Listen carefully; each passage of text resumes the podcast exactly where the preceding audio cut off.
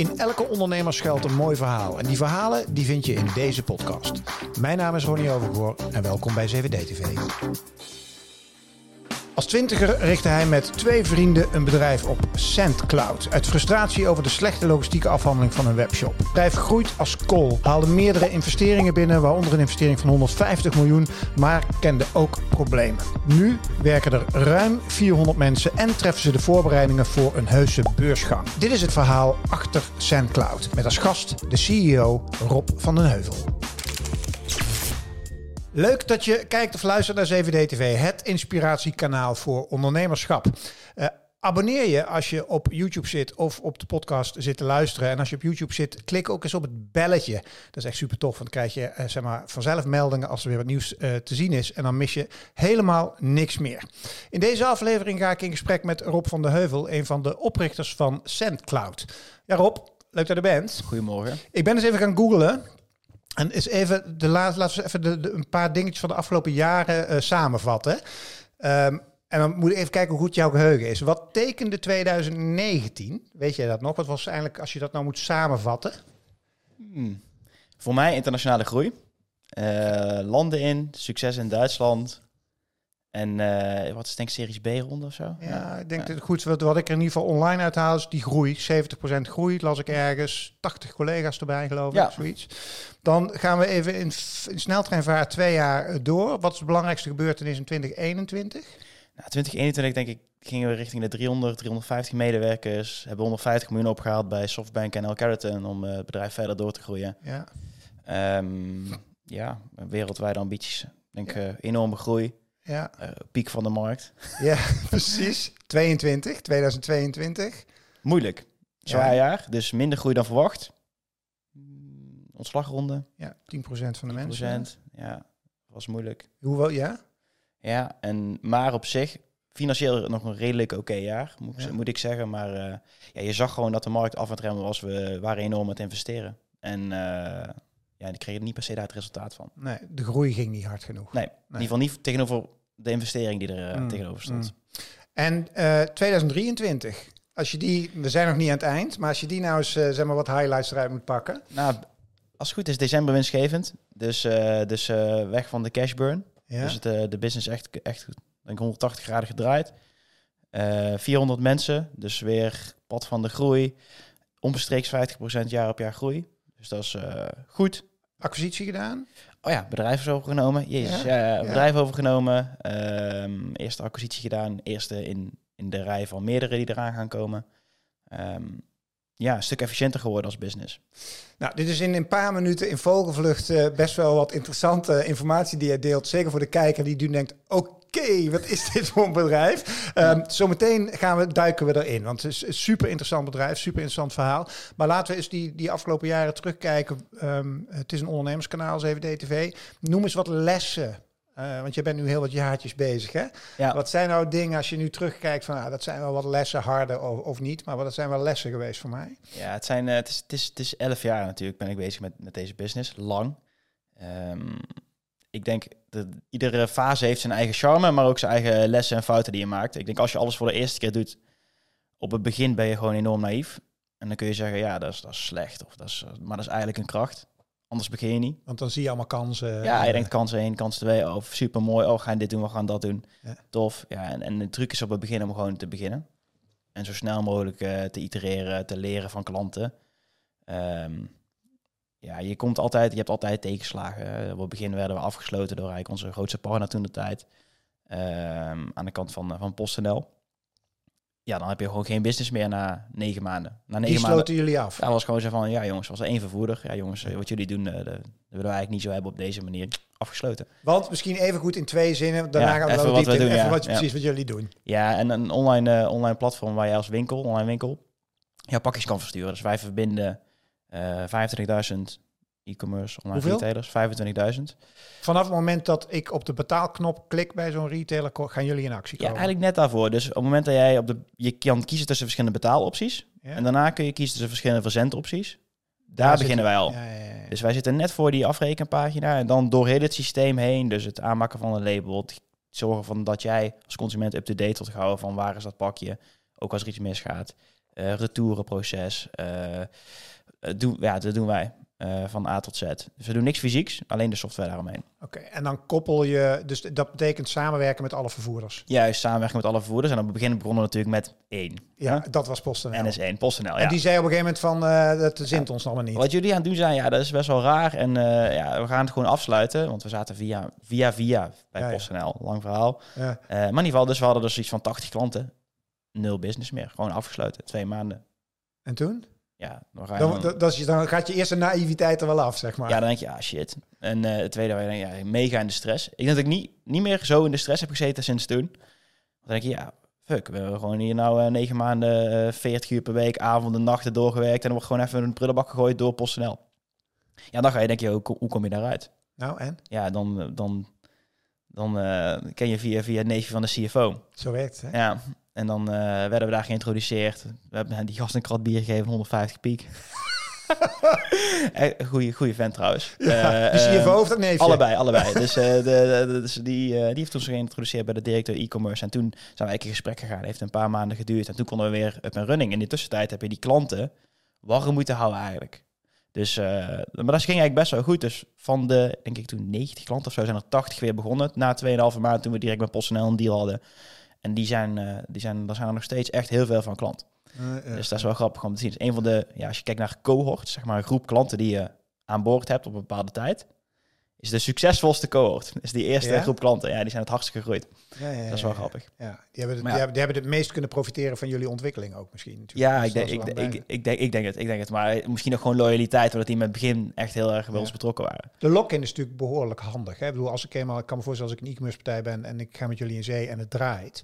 En jullie doen het goed en fucken het niet op en, en Ja. verbeteren en innoveren. Ja, waarom zou ik dan... Het is best een gedoetje om het te wisselen. Klopt, klopt, klopt, klopt. Het is een gedoe om te wisselen. Je, je hebt in principe geen reden om te wisselen, tenzij wij het verpesten of de vervoerder eh, het verpest en wij het niet goed oppakken. Dus Ja. eh er zijn wel, eh, natuurlijk maken wij ook fouten. Laten we even vooropstellen dat dat gebeurt. Maar er is best een stevige lock-in als jij, ja, je, je- op de afrekenpagina zitten wij, we zitten in het retourenproces, in de Ja. trackingprocedure, eh, in, het, in jouw warehouse zitten we. Dus het is best wel gedoe om ons af te schalen. Wat zijn er meer lessen als je het hebt over bijvoorbeeld groei, financiering? Ja. eh, want dat passeert ook allemaal de revue. Ja, we, op het begin, dus na de eerste eh, jaren heb je gewoon tractie. We hebben winst gemaakt de eerste twee jaar. Nou, kun je je niet voorstellen. Daarna zijn we enorm harde verliezen gaan maken, maar dat even terzijde. We hebben wel altijd de, eh, het idee gehad van, oké, we, we doen gewoon dingen. We, we- wij aimen gewoon super hoog. Dus wij willen gewoon het beste, beste bereiken. En de eerste paar jaren hebben, wilden we veel financiering ophalen. We hebben eerst een start-up bootcamp hebben we toen de tijd gedaan. Dus een accelerator programma. Ehm, want we waren nog best wel naïef. We waren 21. We hadden nog nooit financiering opgehaald. Ik had wel bedrijfseconomie gestudeerd en toevallig Bas, mijn compagnon ook. Ze wisten al iets van financiering, maar eh, nou eh, ja, venture capital, eh, convertible. Leer je En, niet, leer je niet, op leer je de- niet op school. Nee, leer je niet op school. nee, dus en, en pitches trouwens ook niet, verhaal vertellen. En, ehm, maar we waren daar best wel, dus door Startup Bootcamp heen, toen hadden we een rondje van 150.000 euro opgehaald. Toen vonden we enorm veel geld. In Maar, ruil eh, voor aandelen al? Of? eh, nee, dat was een convertible. Vandaar dat ik... het, eh, Ja, dus wel, Dus- met een, wel op zich een goede deal ook. ook Leg eens even simpel uit, want, want dat zijn natuurlijk Ja. veel jonge start-ups die daar vaak een vergissing in maken. Dat ze, ze hebben nog niks, halen geld op en zijn meteen een heel pakket aandelen kwijt. Dat is niet de slimste manier, hè? Ja, er, er zijn verschillende manieren om dat te doen. Het kan een slimme manier zijn, maar ehm, wij hebben gekozen toen de tijd voor een soort van flexibelere manier van, eh, van geld ophalen. Dan haal je eigenlijk een lening op.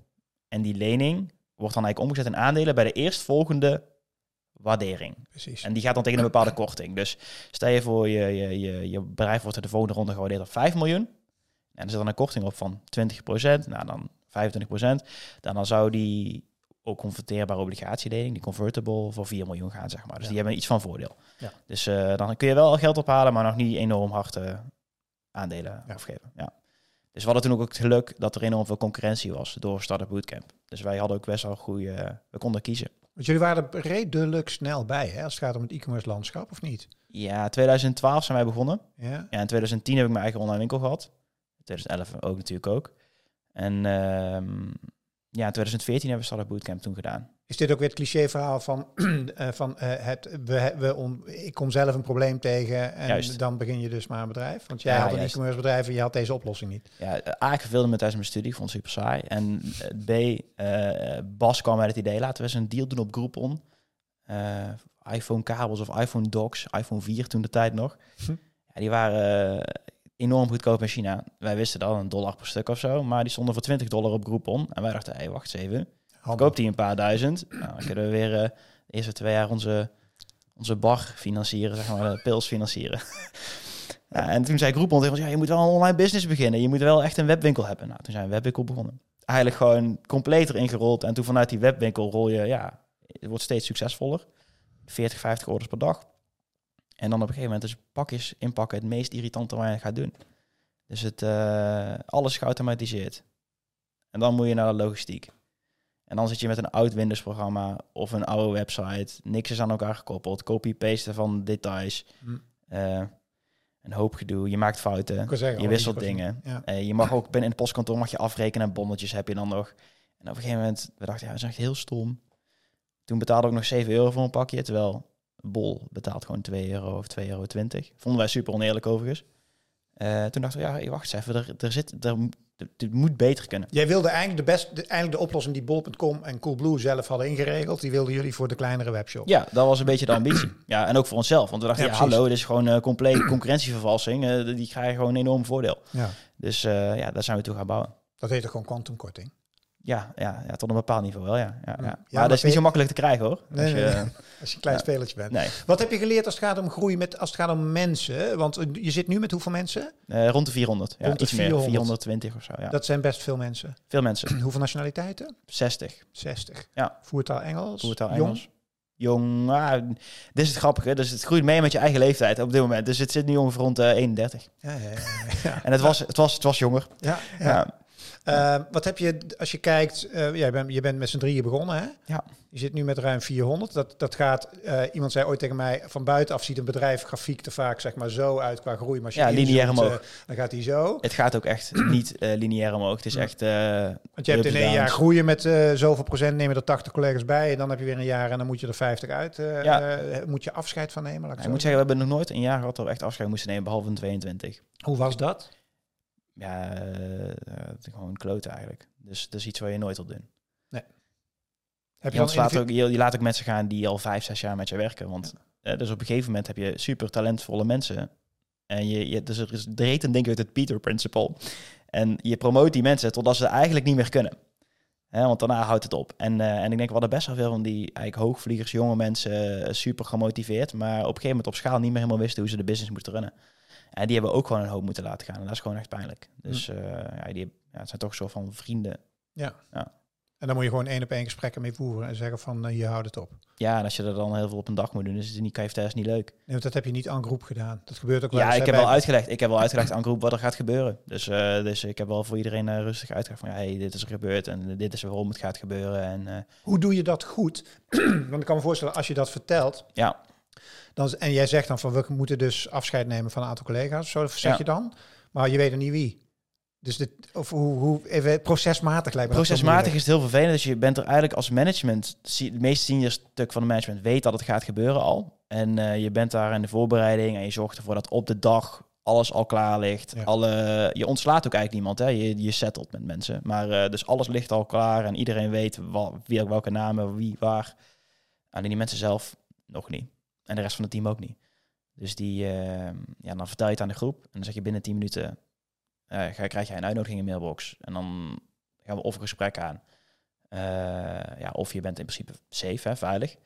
Ehm, dus na 10 minuten is die onzekerheid weg voor mensen. Ga je op die dag alle gesprekken aan. Is een enorm trieste dag, by the way. Allemaal huilende mensen over kantoren. Ja. Dat wil je dus echt niet zien. Nee. En ehm, ja, dan handel je gewoon op een correcte manier. Probeer je gewoon iedereen te overbruggen naar een nieuwe job. Dus je, je gaat jouw recruitingapparaat inzetten om die mensen te plaatsen bij andere bedrijven. Ja. Heel raar om te doen overigens. En eh, je gaat ervoor zorgen dat, eh, dat, dat die mensen gewoon vier of vijf maanden eh salarisdoel betaald krijgen. Dus al dat soort dingen hebben we gewoon redelijk netjes geregeld. Maar ik kan je vertellen, het is niet, het is niet ideaal. En je vergeet, waar ik dus een beetje, je vergeet dat de achterblijvers, de mensen die er nog zijn, dat die ook nog heel veel tijd nodig hebben. Ja. Want die hebben zijn een soort van, je, je breekt een soort van vriendschappen op en zo. Dus Ja. dat is wel, ik kan niet aanraden. Nee, Dus, eh, maar wat ze ook vaak zeggen, door dit soort sleutelmomenten leer je ook weer heel veel. Als je daar nu ehm, op terugkijkt, heb je, dan, heb je daar positieve dingen uit kunnen halen? Of is, is het alleen maar kut? Nou ja, de lessen zijn ik denk dat we in 2021 gewoon te veel, te snel te veel geld eigenlijk opgehaald hebben. En te veel geld maakt, ja, eh, het is misschien lui. Ja. En, eh, en, en ja, het Engelse woord is complacent. En, en mensen voelen zich succesvol. En dan wordt iedereen, alles wordt dan ook opgelost met geld. Dus eh, waar je voorheen een cultuur had van, hé, hey, we gaan over dit softwareproduct we gaan kopen, eh 100 licenties, ja, daar gaan we keihard op onderhandelen. Ja, we gaan zeker niet de listpricing betalen. Nou, kan je vertellen, drie maanden later is het gewoon, ja, nee, we hebben gewoon getekend erop. Ja, anderhalf ton aan softwareproduct, ja, boeit ons niet. Ja. Ja. we hebben toch geld zat. Ja. En eh, ja, we hebben nog even drie mensen nodig in Italië om eh, support iets te verbeteren. Terwijl wij normaal zouden zeggen, we automatiseren hier en daar een paar dingen. En we bouwen een efficiënte organisatie. Dus je wordt gewoon inefficiënt en een beetje ja, complacent. Ja. En aan de andere kant heb je door dit soort investeringen eh, natuurlijk ook druk van buiten die performance vereist tegelijkertijd. Ja, ja de, kijk, er zit verwachting aan. Dus die, die, die mensen verwachten zijn geld gewoon drie keer terug, bij wijze van. Ja. Dus nou hebben we op zich altijd kunnen leveren. En ik denk zelfs met die 150 miljoen gaan we dat nog steeds leveren. Dus we zijn nog, wat mij betreft, nog eh, relatief vroeg.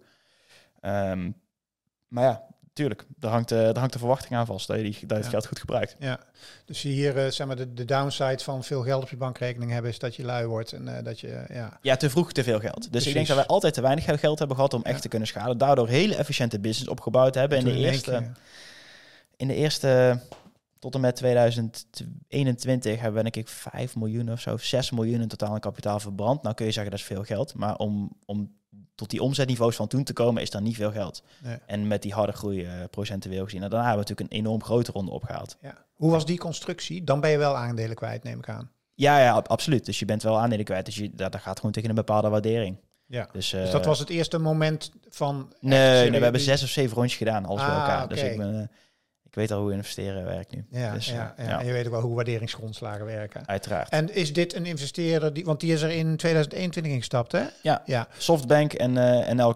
En willen die, hebben die een exit model? Willen die er na x jaar weer uit? Nou, die hebben niet een soort van, oké, je moet na x jaar verkopen of zo. Dus eh, uiteindelijk willen alle investeren. Kijk, op het moment dat je de eerste investeringsronde accepteert, dan weet je dat je gaat exiten op een gegeven moment. Wij hebben altijd gezegd, we gaan een IPO doen. Dat is niet per se een exit. Het is wel een moment van liquiditeit voor aandeelhouders. Dat zeg je nog steeds? Dat zeg ik nog steeds. Gaan we nog steeds doen. Ja? Dus eh, ja, ja, Kun je dan leren van, heb je al contact met anderen? Er zijn niet zoveel in Nederland die dit doen. Jeroen van Glabbeek natuurlijk, CM. Heeft Ja. het, eh, heb je daar contact mee? ik, ja, ik ken Jeroen. Ja, ja, hij komt hier op bezoek binnenkort. Dus Ah, ik zal hem eens, ik zal hem eens wat voor lessen die geleerd heeft. Ja, want dat, er zijn niet zoveel ondernemers in Nederland die die stap gaan maken. Waarom zou je willen IPO'en? A, je, exit, je gaat niet exiten aan een grote corporate. Dus jouw bedrijf, voor, voor mij is het soort van, oké, je bedrijf bereikt een soort van volwassenheid. En het kan op zichzelf staan. Dus misschien na de IPO dat je zoiets hebt van, joh, hey, ik heb het nou, we hebben van drie vrienden in, met een bierveeltje in de kroeg hebben het uitgetekend tot een publiek groot bedrijf met duizenden medewerkers of 1500 medewerkers, whatever. Want dat soort, heb je een B-hack, zoals dat heet? Ja, een miljard pakjes in 2025. En een, eh, ja, dus daar ik wel, eh, wel, wel ja, een B-hack, een Big Harry Audacious goal. Ja, Ja. dat is hem. Dat gaan we trouwens ook wel halen. Dus eh, Ja? ja? Maar luister eens, eh, de, de, een, een IPO heeft ook zijn nadelen. absoluut. Je bent wel aan de goden overgeleverd. Ik bedoel, je bent een publiek bedrijf en je bent in één keer speelt, spelen emoties een enorme rol en kan de waardering van je bedrijf heeft geen reet meer te maken met hoe je opereert. Eh, er zitten best wel nadelen aan. Ik sprak ooit een ondernemer die eh, heeft eh, hem na een paar jaar er weer heel snel afgehaald. Die zei: Ik heb wel geleerd om een bedrijf heel strak te runnen. Ja, als een beursgenoteerd bedrijf. Ja. Maar de beursnotering aan zich was voor mij niet zo'n niet zo'n feest. Ja, daar ga ik lekker naïef, naïef in. Ik Jij ga- gaat er weer ja, naïef ja, in. Ja, ja, mooi. Ik vind het gewoon vet om te doen ook. Want Dus, je zou eh, ook een evergreen ervan kunnen maken. Je kan ook zeggen van joh, je gaat op zoek naar meer investering, maar dan op een manier dat je geen exit hoeft te doen en gewoon door kan gaan. Ja, ja. Kijk, uiteindelijk linksom of rechtsom gaan alles wat er nu in de, in de, in de, in de alles wat er nu geïnvesteerd is, uiteindelijk moet er allemaal geëxit worden. Ja. Dus ehm, ja, ik denk een beursgang is ook niet dat je 100% van de aandelen exit. Hè. Vaak laat je 15 of 20% van de aandelen die staan op de beurs. De rest blijft nog steeds in de handen van grote Ah, ja. private, private investeerders of, Ja. of oprichters zoals, eh, zoals Maar wat is je planning om die IPO te doen? Ja, wij gaan, het doel is om eind 25 de IPO eh, te gaan doen. Ligt ook natuurlijk aan de markt. Ja, Je ziet dus nu een periode van eh, echt enorm weinig IPO's. Er zijn natuurlijk net drie bedrijven publiek gegaan, maar je ziet eigenlijk een soort van droogte nu.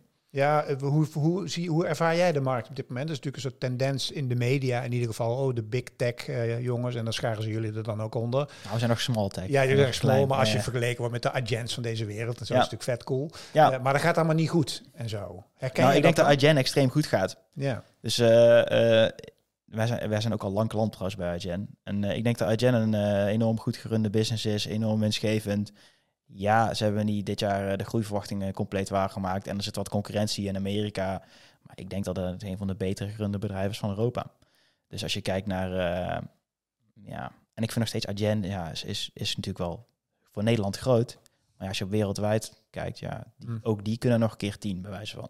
want hoe, hoe ziet die markt van jou eruit? Zijn er concurrerende spelers die echt eh, keer vijf, keer tien of nog groter zijn? Je hebt, ehm, nou kijk, de meeste van mijn markt ligt bij de grote vervoerders. Dus Ja. er zijn eh, partners en, en eh, super belangrijk voor ons, maar de meeste mensen werken direct, de grote partijen. Daarnaast heb je natuurlijk Amazon, die, eh, die direct vervoer doet, maar ook voor, voor winkels logistiek faciliteert tot een bepaald niveau. Dat is ook weer een partner, maar ook tot een bepaald niveau is, is Amazon een concurrent. En je hebt dan een bedrijf dat heet, heette vroeger Stamps.com en nu Octane Groep. Ehm zijn laatst van de beurs gehaald voor, eh, voor 6,5 miljard door, eh, door private equity. En ehm, die doen in Amerika wel eh, redelijk goede dingen. Er zijn, er zijn eigenlijk gewoon negen of tien bedrijven bij elkaar gebracht, niet geïntegreerd. Ehm, maar op zich best wel een grote business. Wat drijft jou? Ik denk, ik, ik wil veel leren, dus nieuwe dingen doen. Je moet mij ook niks eh herhaaldelijks laten doen, ben ik ook gewoon niet goed in. Ik vind, het, eh, ik vind het leuk om plezier te hebben. Met, eh, ik vind het nog leuk dat we bij elkaar zijn als founders. Nog steeds veel plezier met z'n drieën. Ook Ja. trouwens met de rest van het team. Ja. Mm, ik wil eh, uiteindelijk ook financieel onafhankelijk worden. En niet omdat ik veel geld wil, maar ik wil gewoon niet over geld na hoeven te denken. Ehm, Dat moet je nu nog wel. nou ja, ja, nadenken. Niet, niet per se. En niet als ik, ik heb luxe als ik in de supermarkt sta, dat ik niet nadenken. Ik sta overigens weinig in de supermarkt. Picnic voor de win. Maar ja, dus, dus ik hoef daar niet over na te denken. Maar ja, je wil gewoon niet meer over. Ik wil daar gewoon nooit meer over na hoeven te denken. Hmm. Dus, eh, dus dat vind ik wel mooi. Ja, maar voor mij is het belangrijkste om nieuwe dingen te leren. En ik wil gewoon iets groots bouwen ook. Kijken hoe ver we komen. Ja, een ambitie heet dat of zo. Ja, weet ik niet. Maar gewoon, gewoon wanneer lopen we tegen de lamp? Wanneer, wanneer houdt het op, zeg maar. Ja, ja, ja, ja. dat is wat anders dan tegen de lamp lopen, maar ik snap wat je zegt. Ja, wanneer houdt dit op? Ja. Er zit geen grens aan voor ons nog. Nee, en de markt is zo groot. Er zijn Ja. Ik heb het over het is honderden miljarden. En, eh, en eh, het, groeit ook nog. Natuurlijk hebben we na COVID heb je zo'n tik gehad eigenlijk op e-commerce. Dat was extreem aan het groeien. En daarna is het eigenlijk gewoon teruggegaan naar de lange termijn groeitrend. Ik wil zeggen, want die blijft wel. Die blijft wel. Dus je ziet bijvoorbeeld in, eh, in Engeland is 30% van de retail uitgaven is online. En in Nederland is daar 15, 16 procent. Ja. Dus zelfs in Nederland gaat er, nog, eh, gaat er nog hard groeien. En in Italië en Spanje, waar we ook al zitten met best significante eh, presence. Ja, da daar, groeit, daar is het nog kleiner. Daar gaat het nog meer groeien. Ja, die Dus, lopen eh, nog wat achter wat dat betreft. Ja. Want in hoeveel landen opereer je? Is dat echt wereldwijd al? Nou, wij opereren in, wij versturen pakjes vanuit acht landen wereldwijd. Dus Ja, eh, ehm, het is best veel werk voor ons om een land te openen. Ja, Ja, dus je moet eh, met de lokale PostNL zaken doen, alle integraties want daar die moet je technisch aansluiten. Zo technisch aansluiten, maar ook vaak contractueel. Dus Ja, ja. eh, en, en dat is niet altijd even makkelijk. Dus dat is mijn, eh mijn compagnon Sabi, die, die kan dat heel goed. Dat is zijn ding. ja, ja, ja. Ehm, jij, jij zei net ruim 400 mensen inmiddels, die collega's die bij jullie werken. We hadden Ja. het van tevoren even over de hele trend van remote werken en zo. Hè? Jij hebt daar ook wel een mening over, hè? Ja ik, ben, ik ben zelf geen fan van remote. Mm, ik denk ehm, dat creativiteit, als je samen dingen oplost, dat het beter gaat in een kamer. Ik snap, mensen die remote zitten, hebben ook vaak niet helemaal de context. eh, van de business, snappen de markt misschien niet helemaal, de concurrentie. Ehm, verschillende afdelingen worden meer versiloed, naar mijn mening, als je remote gaat werken. Dus ik ben een groot fan van, eh, laten we zeggen, drie of vier dagen op kantoor. Ehm, nou moet ik zeggen dat onze eigen eh, policy is vrij flexibel. We hebben maandag komt iedereen op kantoor. Dan eh, bouw je samen de week, zeg maar. Dus iedereen is er dan maandag, alle afdelingen, alle mensen. En daarna is het gewoon, oké, doe maar wat je wil. En eh, sommige groepen die komen vijf dagen, andere vier, andere drie, andere twee. Hm. Dat is ook wel prima. Ja. Ja. Overigens zeg ik wel, als je dus full remote business bent, kan. Het kan wel. Ja, ja, je ziet het op GitLab of zo, doet het op schaal. Maar die zijn zo begonnen. En die, Ja. dat zit zo diep in de cultuur. Wij zijn eigenlijk veel meer een, een kantoorachtige cultuur, samen, relaties. En wij- ik weet niet of wij dit goed kunnen. Maar dat betekent wel, als je met 60 nationaliteiten werkt, dat ze allemaal in, wat is het, Eindhoven? ergens in de Eindhoven, buurt, ja. in ieder geval regio Eindhoven, Ja, eh, dat ze daar wonen ook. Want Ja. als jij heel snel wil schalen met, en je hebt, eh, weet ik veel, 40 Spaanse mensen nodig, dan kan ik me voorstellen dat je ook gaat nadenken, want dat heb jij nu niet, hè, dat je locaties in het buitenland hebt. Nou ja, locaties niet. We hebben wel gewoon kleine, kleine kantoortjes, misschien in Madrid met een paar mensen. Maar het is niet zozeer... ehm, de meeste mensen zitten bij ons op kantoor. Dus eh, Spa Spanjaarden, Italianen, Fransen, Duitsers. Ze zitten gewoon allemaal naast elkaar, zeg maar. Mhm. En die markten zitten ook in verschillende fases van hun groei. Dus die leren van elkaar. Daar geloof ik ook heel erg in. En je krijgt een superleuke teamdynamiek. Dus eh, Ja. ik heb liever dat je, eh, laten we zeggen, een Italiaanse sales 1000 euro per maand meer betaalt. En dan op locatie hebt, op het hoofdkantoor, met volledige context van de business. Dan dat we daar lokaal een paar mensen remote hebben zitten die... eh, De output is beter in dat scenario wat jij schetst. ja, Ja. ja. voor, voor ons. Ja, precies. Ehm, wat zijn de geheimen, nou geheimen geloof ik trouwens niet zo in, maar wat zijn de, ehm, de lessen die je kan delen als het gaat om ehm, starten, dat, nou, dat is stap 1. Twee Ja. is groeien. Ja. Het meest MKB in Nederland groeit dan tot, nou laten we zeggen misschien 100, 200 mensen of zo. Ja. Maar dan, zeg maar, die stap, hoe doe je die? Dat je, want jij zit nu op 400, je zegt je wil naar, wat, hoeveel mensen wil je naartoe? Nou, ik wil eigenlijk ik wil naar heel veel omzet en heel veel groei. Ik hoef niet per se naar 1500 mensen, precies, maar in dat is ieder geen geval... doel, maar dat is Nee. wel vaak een gevolg. Misschien dat Ja. je efficiënter kan werken, dus verhoudingsgewijs streef je ernaar dat die lijn minder hoog Juist. loopt. Maar uiteindelijk ga je nog een flinke groeispurt maken de komende Ja, jaren, is de bedoeling. Hoe doe je dat? ja, je, je, je, alles wordt ge, ge- geïnstitutionaliseerd. Er komen processen. Je hebt recruiters rondlopen die, eh, die vijf, zes recruiters die fulltime met recruiter zijn. Je, je, ja, hoe doe je dat? Ja, ik denk in de basis met een goed leiderschapsteam, een goed leadership team, mm, die dit al gedaan hebben. Heb je die in place? Zijn we mee bezig? Een paar wel, een paar niet. Dus Ja, eh, je hebt de ja, trouwens, ik zeg, niet iedereen hoeft het gedaan te hebben. Je moet een combinatie van jong, hongerig, eh, willen heel graag gas geven. En mensen die zeggen, joh, misschien moet je hier een procesje voor bouwen. Hey, als je dit doet, ik heb het al een keer gedaan, misschien kun je het op deze manier het beste doen. Dus je hebt een beetje die combinatie nodig van, eh van super Divers leiderschap, dus senior en, en Ja. wat naïver door elkaar heen. Wat betekent dat voor de rol van de drie founders de komende jaren? Ja, de, dus, eh, ja, dat is een interessante vraag. Ja, we hebben bij Lightyear Ehm, gezien bijvoorbeeld natuurlijk veel discussie over is geweest. Hè, Ja. Waarbij we een fantastische founder hadden, maar de vraag is of die ja, het uiteindelijk op zijn goede plek zat. Ja, ja, ik vind dat moeilijk om te zeggen. Ik ken Lex op zich niet heel goed zelf. Nee. Is natuurlijk vlakbij, hè? Helmond, Ja, ja, maar kijk naar je eigen situatie. Wat betekent, Ja. want hoe zien jullie die foundersrol en zo waar je nu staat en je komende jaren naartoe wil? Ja, kijk, Bas is nu CFO. Ik denk dat wij, als we gaan naar publiek gaan, dat Bas zijn rol als CFO, dat daar uiteindelijk een keer een ervaren CFO Ja. eh, voorkomt. En dan wordt Bas waarschijnlijk Chief Operations. Bas is supergoed met data, analytisch processen. Eh, dus, eh, dus daar vinden we wel een plek voor. Zabi is, doet nu eigenlijk ons hele commerciële apparaat. En Zabi is veel meer een relatieman. Die zit op, eh, op die vervoerders. Ga maar naar Spanje met de lokale post voor wat eten en daar een enorm goede deal Ja, ja, ja. uit onderhandelen. Daar is, die, daar is hij echt enorm goed in. Dus ja, je gaat gewoon een beetje op zoek naar waar zijn wij goed in. Mhm. En ehm, ja, daar, gewoon, daar ga je gewoon op En focussen. jij? Ja, ik denk dat ik nog wel oké zit in mijn rol. De eindbaas. Ja, ja. Shit stops there. Ja, Ja, ja, ja. Dat is de rol. Ja, En die, en die hou je ook, ook als je die groei maakt naar IPO. dat is wel de plan. Ja, ik denk ook dat de IPO's over het algemeen geleid door founding CEO's, dat die eh, redelijk goed gaan. Ligt natuurlijk ook aan, hè, als het op een gegeven moment blijkt dat het, dat het mij totaal niet lukt. Hè. Ik, ga, ik wil niet die fout maken dat ik de business de grond in draai. Dus, eh, maar ik zorg wel voor dat ik de juiste mensen om me heen verzamel om... eh, Maar dat Ja. proces loopt al, neem ik aan. Als je wil IPO in 2025, dan moet je nu de stappen gaan zetten. uit, eh, ja, dan lopen alle voorbereidende stappen, die lopen al. Maar wij zijn, wij zijn al hier heel lang mee bezig. Dus wij weten redelijk goed ook, hoe je de financiële administratie moet inrichten, hoe je de processen moet inrichten, hoe je de security eruit moet zien. En al die, die zaken, hoe je quarterly reporting doet, doen we eigenlijk al Ja, ja. eh, richting onze eigen interne stakeholders. Wat zijn, ehm, tot slot even vakinhoudelijk gewoon, e-commerce, wat jullie doen. Wat zijn de trends daar? Wat gaan we de komende jaren allemaal zien? Ja, nou, ik moet zeggen, dus we hebben explosie gehad met COVID. je ziet e-commerce op zich enorm stijgen. Heel veel mensen hebben voor het eerst kennis gemaakt ook. Hè. Vooral, eh, vooral zou zeggen, een oudere generatie, denk ik, eh, die heeft voor het eerst boodschappen laten bezorgen en zo. Dus piek. Toen eigenlijk gewoon terug naar de lange termijn trend. Dus je hebt eigenlijk een enorme piek gehad. Toen weer terug naar de lange termijn trend.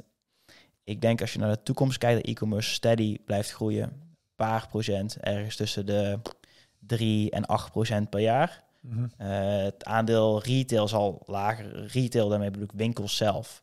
Eh, er zal meer naar het voordeel van e-commerce gaan. Ik, je gaat steeds meer eh, voor bezorging, steeds meer groen zien. Dus elektrisch, dieselbusje mogen steden niet meer in. Ehm, je gaat er ook steeds meer als consument moeten betalen, denk ik. Voor terugleveren. Bijvoorbeeld voor terugleveren. Ja. Ehm, er is geen wet of zo die zegt je moet betalen wat het kost. Maar als consumenten wisten dat, eh, dat een retour als je fashion terugstuurt, kost het bedrijf gewoon 20 euro. Hm. Dus eh, je, trekt je, je, je past een keer zo'n shirt, je stuurt het terug. Nou, kost 20 euro. Nou, je koopt vijf shirtjes en je past ze allemaal en je stuurt er vier terug. Ja. Want dat is natuurlijk voor veel mensen de methodiek. Ja. En dat is een kostbaar grapje eigenlijk. Ja, uiteindelijk, natuurlijk moet je wel even weten waar dat vandaan komt. Zalando heeft dat eigenlijk geïntroduceerd. Vroeger was het, ja, je koopt gewoon kleren online. Ja, kan niet passen. Dus waar die retour, gratis retour vandaan komt, is om die barrière Ja. weg te nemen. Dus, die, dus ik snap wel dat het er is. Ja. En eh, voor sommige branches, als zoals fashion, ja, ik denk dat je er niet aan ontkomt. En anders ga je be- eruit geconcurreerd worden. ja. Dus eh ja, Weekamp had nou 50 cent of zo geïntroduceerd. Ja, dat vind ik dan weer drie keer niks. Dan Nee, doe het doe goed of doe het niet. ja. dus Ja. ja. ja. Hm.